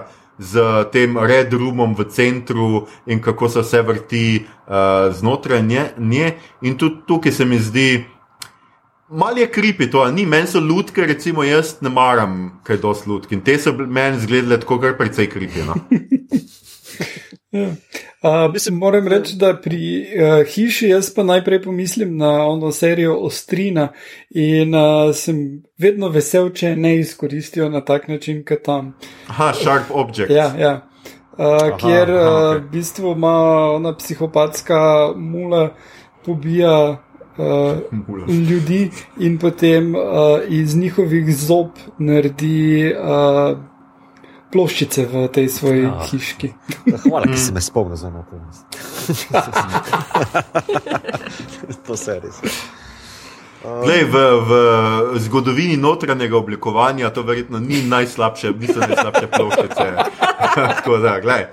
Nikoli nikol, nikol ne veš. Um, okay, kaj vam je bilo res všeč pri tej seriji, in pa mogoče, kaj, ne, ne gremo najprej, kaj vam je bilo res všeč, mislim, pri seriji, pri drugi sezoni. Uh kaj se vam je, pa kako se vam je mogoče zdela v primerjavi s prvo? Uh, bom jaz. Ja, uh, v primerjavi s prvo se mi zdi, da je v bistvu z, z, isto, isto kot glede tega vizualnega pristopa. Mogoče malo bolj vedr pristop, z vsaj ne toliko temo črno-belim, z zelenim prelivom, uh, turkiznim prelivom, uh, malo bolj ima ta neki 80s vibe. Um, Mm. Uh, tako da, ta, kar se tiče atmosfere, je bilo isto zelo podobno, mogoče na mestu uh, boljše zgrajeno, čeprav ni bilo teh uh, strahov skokov toliko. Um, mm. um, pa tudi mislim, da. Uh, Mislim, kar se tega tiče, je bilo čisto ok narejeno. Igra mi je bila všeč, ja. glasi mi niso bili všeč. Um, zgodba pa. Ampak tehnično, mi to tehnično ni bila tako inovativna, kot prva. Ne, to... Prva imaš te prelive prostorov, tle pa je bolj skakanje v prizor. To je res, prizor. ampak to, to pripišem pač konceptualni odločitvi, da pač mm. se gre za pripovedovanje zgodbe, ljub, romance. Ne. Tudi ona pove, I've got a story for you, veš na začetku je kot neka pravljica, kot nek Jim Henson story, veš, ko John Hurt mm. govori pred drugim. Pri kaminu, ja. ja. In mislim, je točno takšen feeling, da tudi veš, potem lahko odpustim uh, vse te zelo klišejske pa hitre zgrnitve, ne, ok, tle imaš hišo, tle imaš lutke, tle imaš ono, tle imaš ono. Uh, ker pač mislim, da že pre, po petem delu, ki je za me bil mogoče najbolj intriganten, ki je zgodba o Hani, uh, hmm. se hitro, si hitro skuža, aha, ok, to je to. To to je bolj ali manj romanca, ni zdaj toliko fokus na hororu, je bolj za podlago. Ne? In uh, vse te parčki uh, zgodb, pa uh, mislim pa ljubosumja, ki so notro ustavljena, da je bila to primarna zgodba. Ne? Pa na koncu potem seveda pogrešanje, pa spomin, pa izgubo partnerja uh, oziroma partnerke. Tako da uh, zaradi tega, ker je to odločitev, ker je to zgodba, op opustim te tehnične inovativnosti no? ali pa manjko tega. Um, tako da ja, to. Uh, kar mi pa ni bilo všeč, je pa pač. Ja, gothic romance. Mi to ni fan gotske roma romance, pa če nimaš rad grozljivk, a ni to ja, bolj. Ne, če že grem grozljivko gledati, če že, uh, pol hočem, da je do amena. Ne? Um, ja? Ker to pa, da me vlečeš za nos, pa da šona na koncu reče, da ja, zlagala sem se, se ni ghost story, v bistvu je love story, zdaj pa dego, nisem jaz osnurtle zaprav, a veš. zdaj gledam prav teror sezona ena, kako, zato da si imel paleto s čistim. um, tako da. Ampak dobro, ta moj, moj bif, to ni, uh, mislim, da ni, ne bi bilo fair, če bi rekel, da je za nič gre zaradi tega. Pač ne, Gothic Romance, pa mislim, da je vredno pogleda. Uh, ja, to je to. Uh, si, uh, je tole, če, da hočeš prav horor, če že gledaš uh, horor in ne gotska romance, to je bil glavni očitek uh, Del Torovemu Crimson Peaku, uh mhm. -huh. kjer se začne fulgrezljivo, pa na koncu je ja, no, ok. Ja, ja. Crimson Peak mi je zelo tam tam, ne? mislim po nekem, dobro, ja, feelingu bom tako rekel, ne izvedbi, ker tam je vseeno uh, vizualno drug pristop, ampak ja, ta gotik vibe je čisto noter inštaliran. No, Igor, kaj pa negativne tvoje? Uh, Smislo pozitivne povedati, meni je bilo zelo ja, všeč. Ja, pozitivne. uh, Hočeš pozitivne naprej, da je. Uh, meni je bila serija zelo všeč, skoraj na isti uh, ravni kot prva sezona. Uh, in ravno všeč mi je bil tale pristop uh, z romanco, uh, ki v bistvu je zelo vredno izvedena in zelo se te dotakne na koncu vseeno. Uh, pač, če nisi čist cinik, tako kot nekateri. Ne? Uh, ampak uh, uh, vredno narejeno, lepo je odigrano. Mislim, uh, jaz sem to zdaj preko par dni gledal in uh, sem zelo navdušen nad tem, v kak svet sem padel. In, uh, mislim, da, da zelo lepo zaključi zgodbo in vse skupaj. Tako da to se mi je dopadlo. Uh, malenkost hitrejši tempo bi lahko bil, mogoče en del manj, mm -hmm. uh, to praktično za vse stvari na Netflixu lahko rečemo. Uh, razen tam, kjer prehitro ukinejo serije, kot kaže, I'm not ok with this, tisto bilo super. No, za Dark ne, Dark. dark bi težko, težko še bolj hitro. Ja, res je. Res. Mm. Um, no, tako da uh, mislim, da je super serija in če so vam všeč gotske romance, uh, je to trenutno ena boljših stvari, po mojem. Uh, ampak naslednji teden pride remake Rebeke, ven, ki bi tudi lahko bil ok. Veronika, kako ti, tvoji plusi in minusi? Ja, najprej plusi. Um, okvirna zgodba je bila mi v bistvu me je zelo pomirilo, da jo je speljal do konca, zato ker v knjigi v bistvu začne z okvirno zgodbo, kjer so neki, neki, neki ljudje zbrani in potem, da bo zdaj pripovedovala se zgodbo in potem pač to, to kar izpuhti na koncu in pač on pozabi ja. na to in kar zaključi ja. in v redu. Tukaj sem bila kar tako pomirjena, no, da smo se celo vrnili in tudi zelo cenim, uh, če se še enkrat pogleda, ne, zadnji prizor prvega, zadnji prizor zadnjega dela, pa mhm. prvi prizor prvega dela se v bistvu nadaljuje. Ne. Mislim, je, je to, kar se ona zbudi v tej sobi, se pravi, ena tako lepa, lepa celota ne, v mm. zvezi s tem. Uh, tu zelo sem bila vesela za te neke navezave med obema sezonama. Ne. To že od American Horror Story vedno pričakujem in iščem te, uh, te recimo, neke namige oziroma neke povezave. In je, je bilo res kar velik. Ne. Recimo, sploh v, v dialogih, kjer so en kar velik stvari, dejanskih citatov, koristih povedanih. Mm -hmm.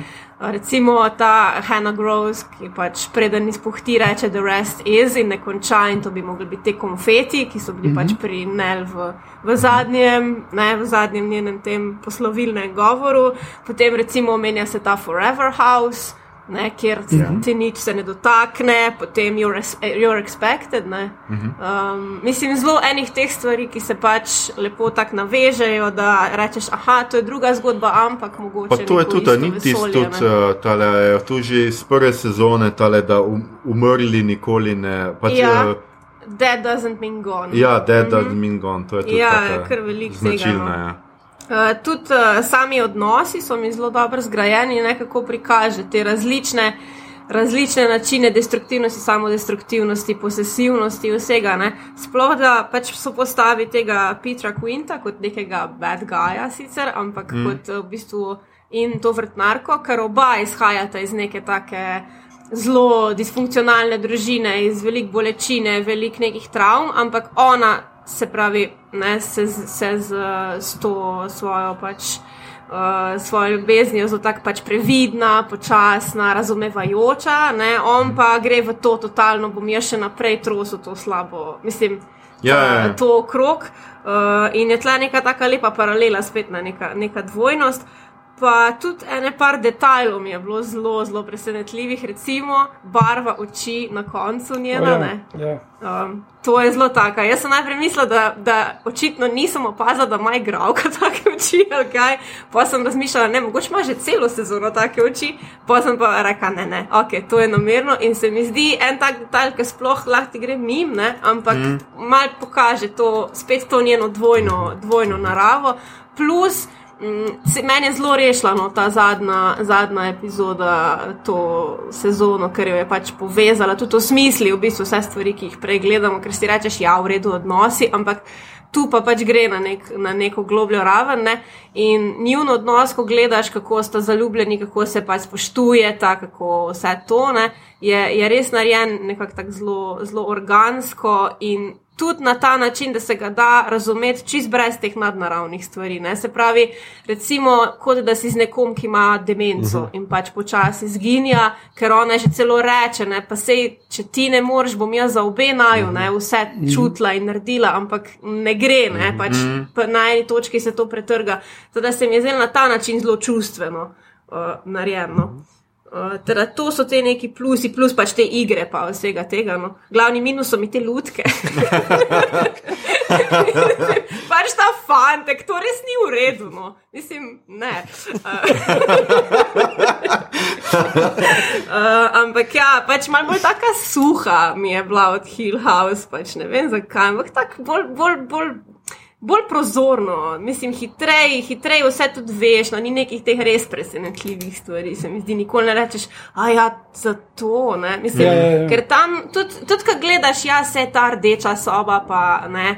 Ampak ko pa povežeš kar naenkrat, sploh tisto, ko on ugotovi, da je v bistvu hodil, mislim, da je bil tam, ne, mm. pa s tistim urarjem, da sploh ga ni bilo tam nekako uro popravlja, pa kar naenkrat, mm. ko se mu svet podre, pa sploh ta pač bend nek lady, mm. ki je res. Uh, Totalen preobrat, ampak tak preobrat, ki rečeš, ok, to rabimo. Ne, ne ti mm. zato, da je preobrat, da mhm. je mhm. neki, ampak dejansko, da to vse poveže. Tle pa ni ni tega. Ne. V bistvu že takoj, ko vidiš ti to zasedbo, si rečeš, ima tle polovica duhov s to posto. Če bojo vsi, bom razočarana, mogoče kdo ni, ne. ampak ene parih je pa ja, ja. ziger. No, Sploh njoke, takoj, ko vidiš, neč ne je, ne, ja, neč ne pije, ampak tak, pač res prozorno. To, to je kar. Plus. Um, uh, oprosti, ja. so, mislim, Uh, Čisto se strinjam s tem, kar si zdaj rekla. Ne? Edini plus, mogoče plus bom tukaj še dodal noter, kar je, veš, glede teh revilov. Naprimer, mene so to, kar si ravno kar rekla, Hanna ne je, Hanna ne pije levo desno. Uh, pa se mi je zdelo, pa kaj z njo to je nekaj čudnega, ampak v petem delu mi je bilo pa najbolj zabavno, ker sem mislil, da takrat te furajo z neko demenco, ta zgodba demence, ki se fura in ovo, in ova mati, mm. pa uh, vse skupaj. Ker res, jaz sem mislil, da je ona dementna in da gledam zgodbo o demenci. Uh, in pač ta del mi je najljubši mhm. izmed uh, druge sezone, uh, zaradi te strukture, ki je malo bolj tako zabavna, pa zaradi tega revila. A ja, ne, ni to, ampak je. Ne, spoiler, head, uh, mrt, mm -hmm. Čeprav o demenci posamezna epizoda bi jaz iz Castle Rocka izpostavila ja, uh, tisto, ker tisti mm -hmm. je pa. Smo, Tisti je pa res taka epizoda o demenci, ki mislim, da je lahko yeah. Ja, pogledati. To smo z Igorom primerjali na četek, eh, na kaj te mm -hmm. spominja ta, peta epizoda. Yeah. Ne, pa sem jaz rekel, Castle Rock tudi ne. Čeprav Igor, ti si v linču mm -hmm. sanjal nekaj, to me je malo zmedlo. Ja, ja, ja. uh, malo je strukturirano uh, tako, uh, da spominja na določene pač elemente Davida Linča, ampak dosti bolj lightweight, uh, mm -hmm. obvisli. Mm. Um, uh, to, kar si omenila z očmi, uh, temu se reče heterokromija, ki imaš različne barve oči. In najbolj znan človek, ki je imel to, je bil David Bowie. Tako da, a mislite, da je to razlog? to smo zdaj naredili, vik, stari. ja. To je bila kar ena povezava zdaj. Ja. Ja, Grad kot črl. Ja, no, skratka, čak, to so bile, a si ti negativne, si tudi povedala, Veronika? Ja, še, še, še eno imam, uh, ki me je pa res zmotila. Čisi iz tega vidika, spet smo te klišejski grozljivki, uh -huh. uh, ta lutka, Lady of the Lake, uh mhm. -huh. vsakega, ki zagrabi, uh -huh. ne, ga kar do kraja, če bi ti mhm. rekel. Mislim, takoj, ko ga zagrabi, je konc. Ne? Unga 1,90 m visokega tipa, takoj. Ko pa njo na koncu zagrabi, se pa ja, tam ja. zviramo, pa se čakamo. Ne? Spet tu, mislim, mene to vedno mhm. moti, mm. ker me zelo vrže ven, ker si rečem, ja, pač, kot da bi lik dobil, pač, le, le ta glavna igralka, nje ne smeš mhm. ubiti. Mislim, ja, ja. To, mislim, to me vedno ven. Je pa res, no. da je američanka. No? Mogoče ja, imajo ja, angliži ja, malo bolj zaradi tega na glasu. Zdaj moramo imeti pištolo. Malo bolj krke, vrtove. ja, gledaj, to je meni. Veš kaj, to je meni že v obeh sezonah. Mene je tudi v prvi full motlo, da kar naenkrat se pokaže, da una neka plesalka, gargolja, ki je bila v prvi sezoni, si ti dotakne čela in ti padeš v neke sanje oziroma mm -hmm. neko skušnjavo, ker meni ni bilo Zakaj bi to duhovi rabili, zakaj bi to počeli, duh se te ne more dotakniti? Če imaš dolg čas. ja, dolg čas ja. In tudi tle imamo zdaj neke te dotike čela, ja. a, da te spravi, da te vrže v to, kako oni že temu rečejo. to be pushed aside. Tak, Tak, tak, tak, tak. Ja, je. tak to way, ja, Ja, tako je. Ja, v spomin. Kao. To se mi je zdelo malo tako, um, uh, tako, tako, no. Vsaj ni the sunken place. a veš. Ja, no, vsaj nekaj. No. Je, pa, je pa recimo tako, da um, jaz imam zelo mešane uh, občutke za drugo sezono in se še nisem čist. Mene je prva na začetku čist razburila, ker sem pričakoval grozljivko in to ni bila. In se mi zdelo, ok, ful je klišejo, ful je tako. Vidvi stojita tam, tri metre stran od naju, uh, zato da bo pač lahko eno od dvaju ugrabilo. Mi bomo pa tle, na sredi pri lučeh, ampak vidvi bosta tam.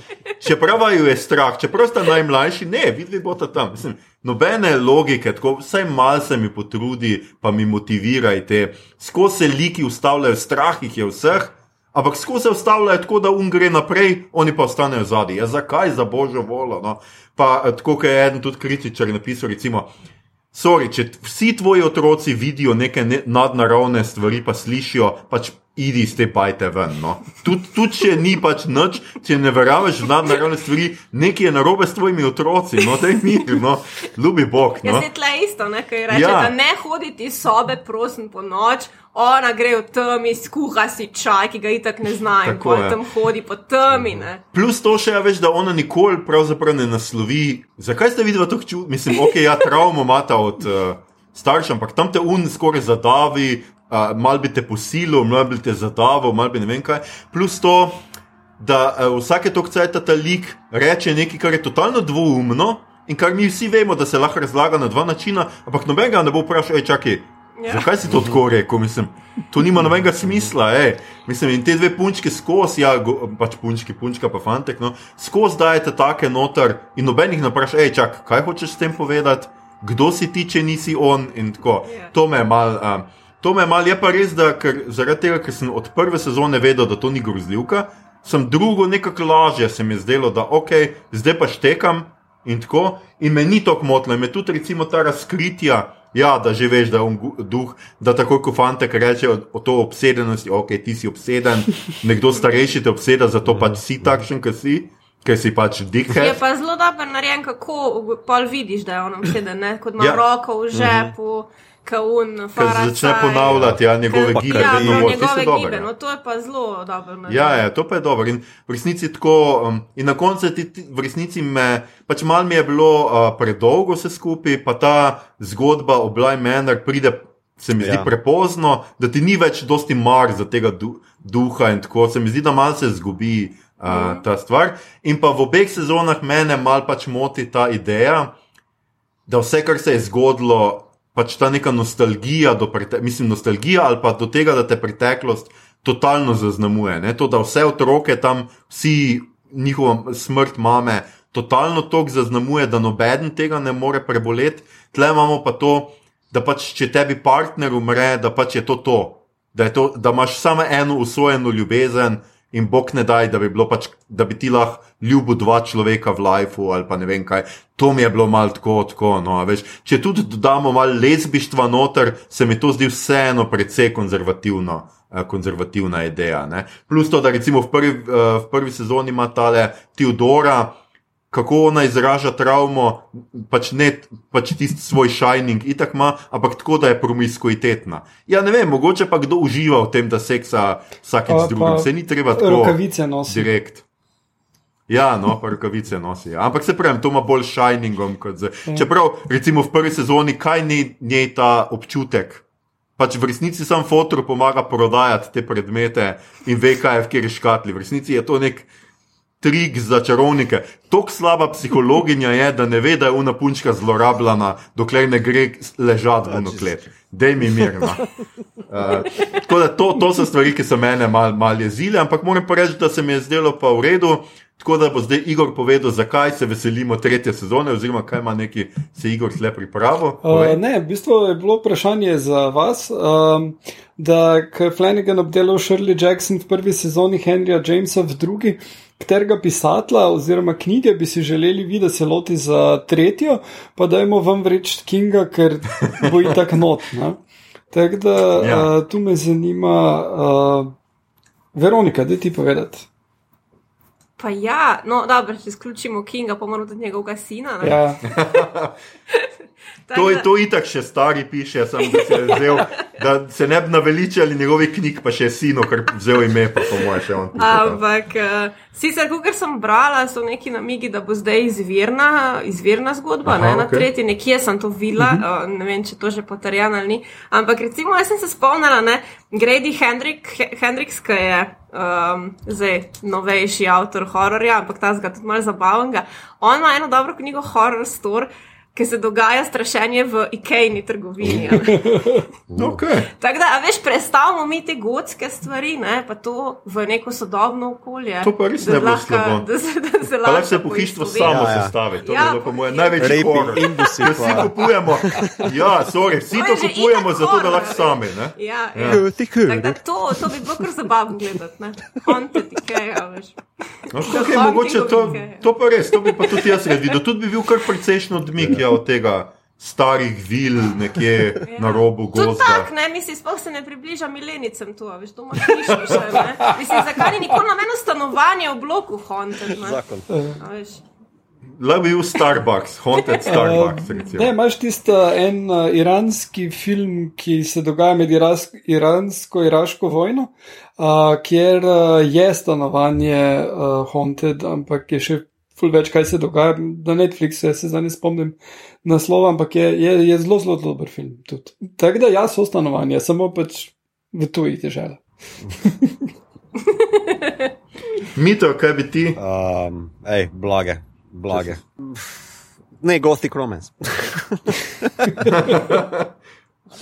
Ej, premalo, ne, se pravi, premalo hororja bo znam, da bi zelo lahko direkt rekel, ja, tole bi dal noter ali pa kva, ne vem. Ne, neko, neko družinsko, družinsko pizderijo.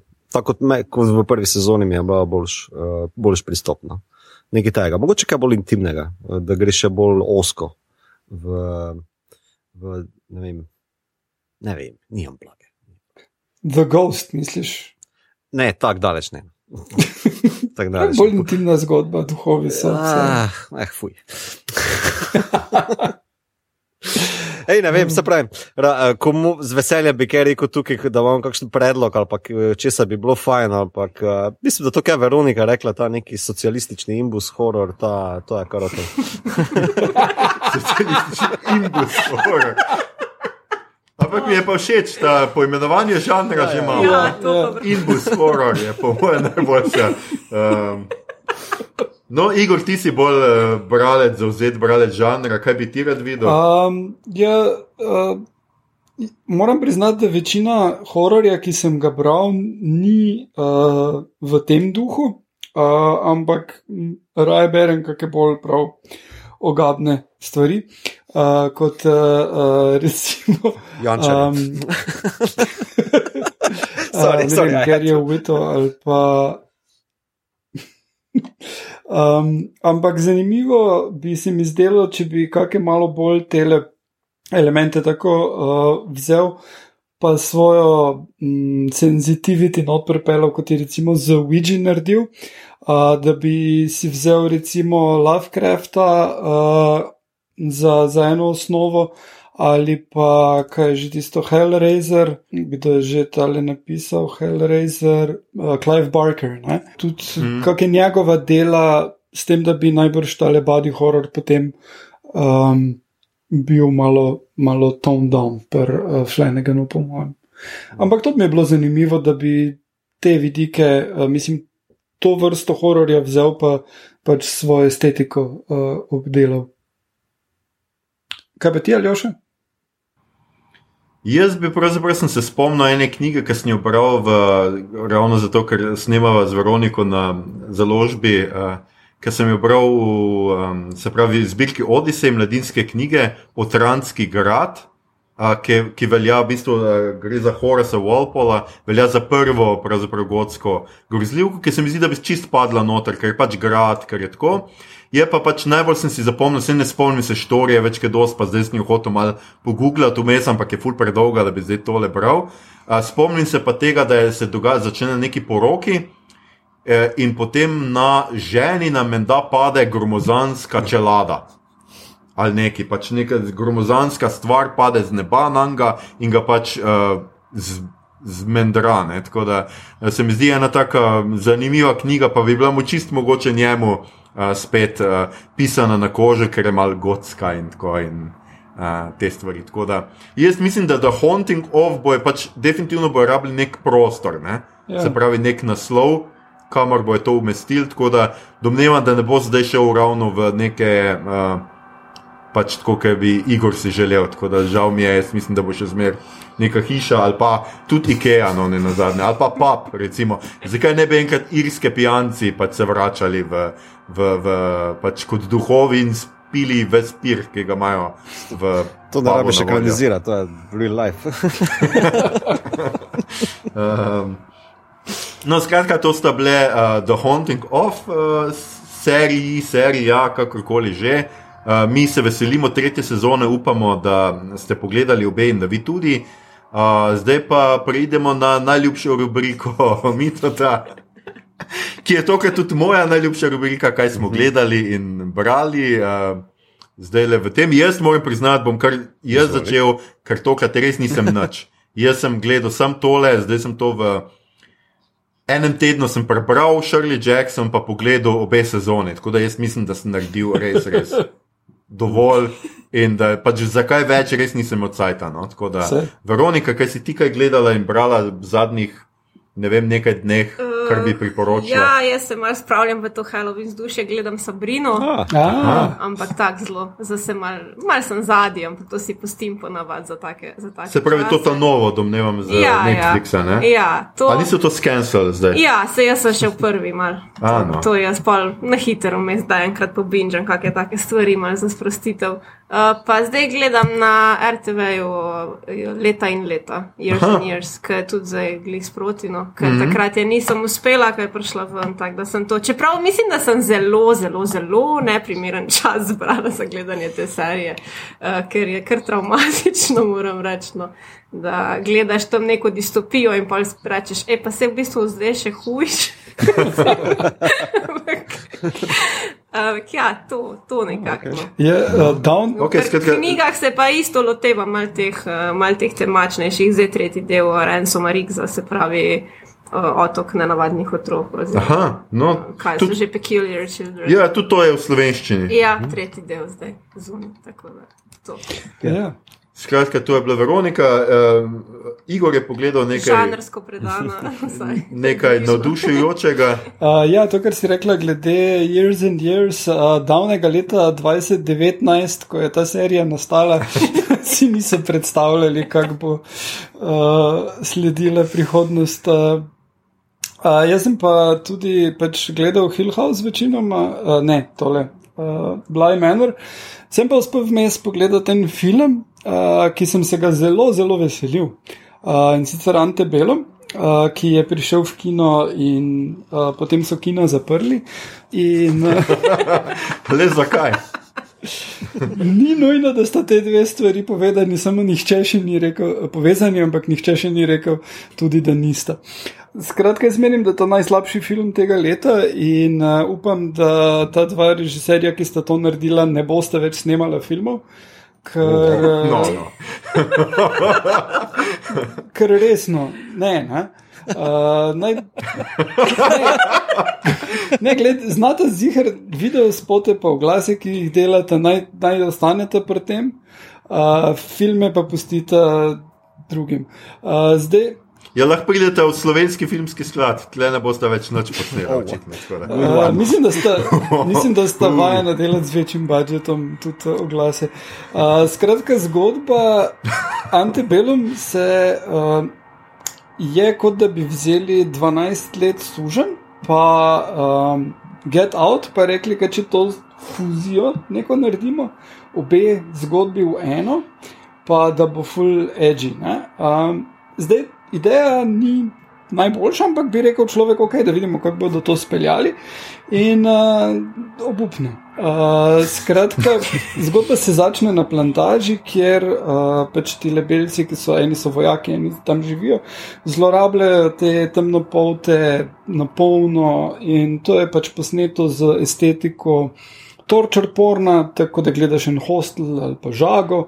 Uh, grozljivo prav gledati, ne zdaj 12 let služen ti, uh, da, da, da se poistovetiš z tistim, ki trpi, da vidiš, kako hudo je. In uh, tukaj pa v bistvu gledaš skozi oči tega, ki muči bolj ali manj. Uh, in se naslajaš ob tem, uh, mislim, tako je posneto, da se bi naj naslajal ob tem, kako ona trpi. In nekje po eni tretjini tega, ki je samo eno mučenje, se glavna junakinja, ki je gražen Elmo, prebudi in je v sedanjosti. In potem se izkaže, da je ona neka uspešna pisateljica, družbena aktivistka in uh, gre žurat ven s prijateljem. In to traja kar nekaj časa in tisti, da je najboljši. Na kar jo potem ugrabijo in potem ugotoviš, da uh, je to, kar je sužnja, da je tam ona bila ugrabljena. In vsi ostali, ki so tam sužni, so tudi drugi temnopolti aktivisti in ugrabil jih je nek eh, senator rasistični, uh, ki jih ima tam, da se izživlja nad njimi in tudi njegovi prijatelji.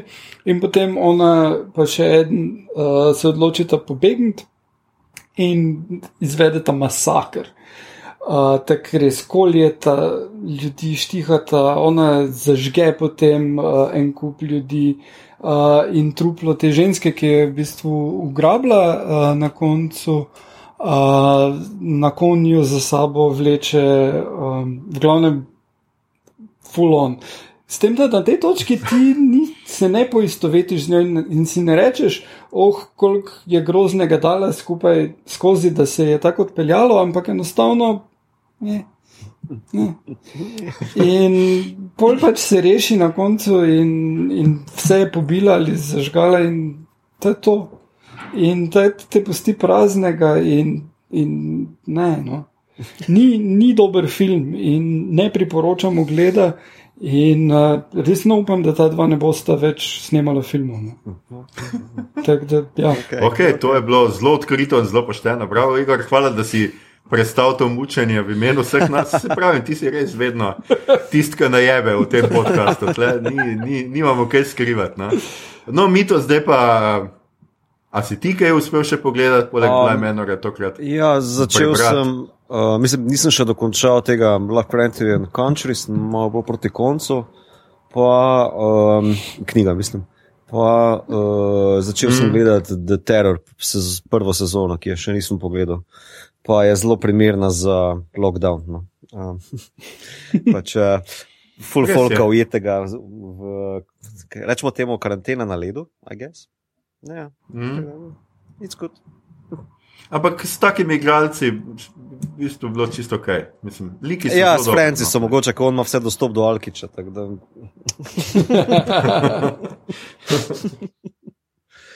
um, No, ja, ne, fajn je, mislim, priporočam, zdaj se to smo že omenili, ampak uh, moram reči, da sem kar mm. navdušen. Mm. Najprej sem bil v prvi epizodi, sem bil kar skeptičen, ker nisem najbolj fan takšnih zadev, ampak pa, pa k, ni toliko tega horora noter, vse ne od začetka, ampak je bolj ta res tesnoba, ne, um, ladi mm. nasploh, uh, pa še potem ledu in večnega, večne teme, to me je pa malo bolj pritegnilo. No, lepo. Vidim, da te nadnaravno bolj straši kot realni problemi človeštva in grozote. Ja, to je moj obrambni mehanizem. um, super. Um, No, jaz, kot rečeno, nisem nič pogledal, nič pogledal. Ja, ej, a, a še lahko nekaj, ker zdaj sem opustil, oziroma pozabil Star Trek kotiček. V Star Treku je več delov, ki se direktno s hororjem dogaja, ali pa s kakimi bajtami, ampak prav za to, te dve hmm. um, seriji, ne, pa mislim, da je zelo primeren del Star Trek Voyagerja. Uh, pa mislim, da je drugi ali tretji sezoni, če se ne motim. Uh, pozabil sem naslov, ga bom dal v zapiske. Je pa tako, oni potujejo. Uh, po delta kvadrantu in kar naenkrat začnejo doživljati privide ali svojih sanj, spominov ali pa iz nekega holodeka. Predvsem holodek od Jane Wayeve uh, mi je pomenil, ker ona pa igra Gardedamo v neki gotski romanci in se začnejo pač tile prividi um, pojavljati po celi ladji. Na koncu se izkaže, da je v bistvu nek alien iz ne vem, x žnja svetlobnih let vpliva na njih, da bi prišli v njegove kremple. Uh, pa se potem uspešno rešijo. No? Pač da, to je en del, ki je zelo tako. Uh, primeren za start, če kot ima. No, uh, hvala mi to, da si tokrat se spomnil na ja, to rubriko. Uh, ja, zdaj dvakrat se nisi, ker sem jaz, ko administriram in objavljam epizodo, sem zmeraj moral napisati, zdaj že drugič. Mislim, da sem napisal tokrat. Ja, ja, ne, mora biti bolj takega, no, vigilanten ta sezona. Ja, potrud se, potrud se. Um, ljudje in ljudine, to je bila že naša 61. epizoda. Poslušali ste torej podcast, ki se oglaša na ime Obod, podcast za serije filme, risanke in knjige vseh žanrov, od F do Z, ki ga groz, uh, Grozi. Hotel sem reči grozi. oh, pardon, uh, mreža aparatus. Um, uh, z vami smo bili uh, Veronika, to res ni v redu, no, šoster. Um, potem uh, Mito, ne nameravam biti stručko za horor. Gegič. Uh, Igor poseduje dovolj velik televizor. In,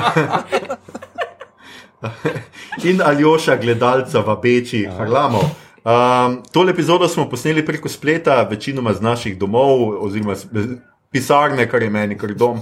Razmere so se znova poslabšale, mi se čuvamo, upamo, da se vi tudi. Ne zbirajte se, vzemite te dni in te ukrepe kot izgovor za asocialnost, gledajte serije, filme in poslušajte podkaste.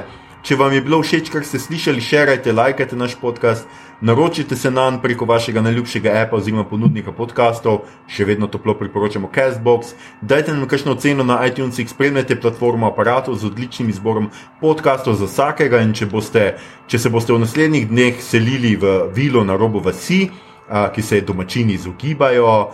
Ne pozabite s sabo vzeti kakšnega plašča več, vsi ti duhovi, ki se potikajo okrog v spalnih srajcah in skačejo iz omar, mogoče pa jih samo zebe in iščejo kaj za obleč.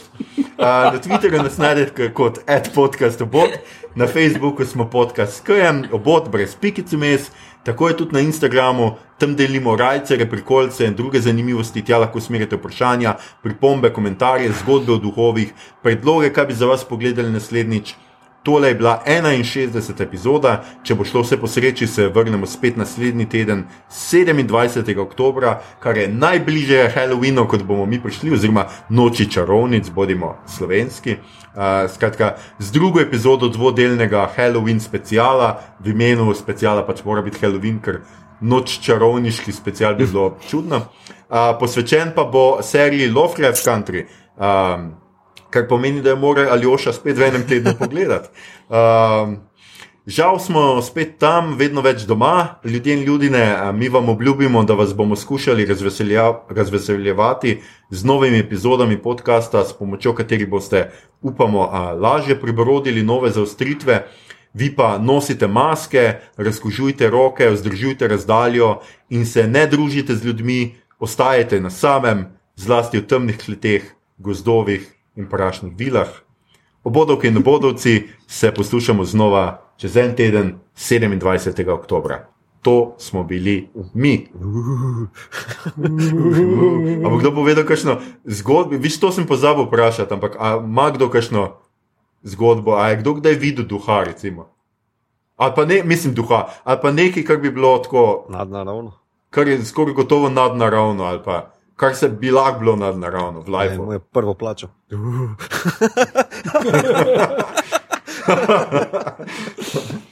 Jaz pa navadno tako opazujem izginjanje svoje plače. Uh, Vedno bolj postaja nesnovna. no. Ne, to je ta socialistični imbus žanr. Horror. Ja. Ampak zanimivo, recimo, pač niste nikoli. Jaz imam duha doma. Ti imaš duha doma. Ja, pol štrgaj sem. Poj 14, zakon. Oh, shit. Res. Ja. On je hišni duh, no. Mislim, on se z mano seli, a veš, skozi. Ker sem se preselila, sem rekla, zdaj gremo tle, prid zraven, pa je šel in zdaj ta kečap mara, ful. Okay, jaz ne vem. Jaz sem tukaj sam z njo, tako da jaz ne vem, kaj naj točno odgovorim na vse to. Je res, da imam mizo ne pospravljeno, tako da če mu lahko rečeš, da mal. Ne res, to je ful kul. Cool. Okay. Lepo. Skratka, ja. Se ne vem, bo, če bo Igor tole še not pustil, bo pač Ja, not pustil. a, če ne, lahko, pač lahko še, jaz sicer nisem nič kaj takega doživel, ampak a, moja hčerka je naročena na Ciciban, pa je tam en vic povezan z duhom, pa ga lahko povem. Ajde, dajmo. Jaz, sem- jaz sem že mislil, da bo ta zgodba šla full bolj dark. Ampak moja hčerka se je včeraj zvečer in je rekla: Ati, kdo je pa ta teta, ki zvečer potrka na okno? Ne, ne, rekel, nič takega. Torej, človek uh, reče, da ja, tale vaš grad mi je kar všeč, uh, razmišljam, da bi ga kupil, ampak me skrbi, da v njemu streši. Pa odgovori drugi, ne, 600 let že živim tukaj, pa še nisem videl nobenega duha. okay. Iz? Sem si bolj čakal. Ja. Pa vse je dobro, no, vse tudi vici iz Cicibana so čisto ok. No. Kar, Skratka, strašno ja. dobro. Ja, no, uh, to je v rap eh, še drugo, tako da uh, če ste to preživeli in se ne polulali klače bolj od smeha kot od česa drugega, um, se pač poslušamo spet čez en teden, uh, pa uh, lepo se imejte, pa res, res, res se čuvite. No.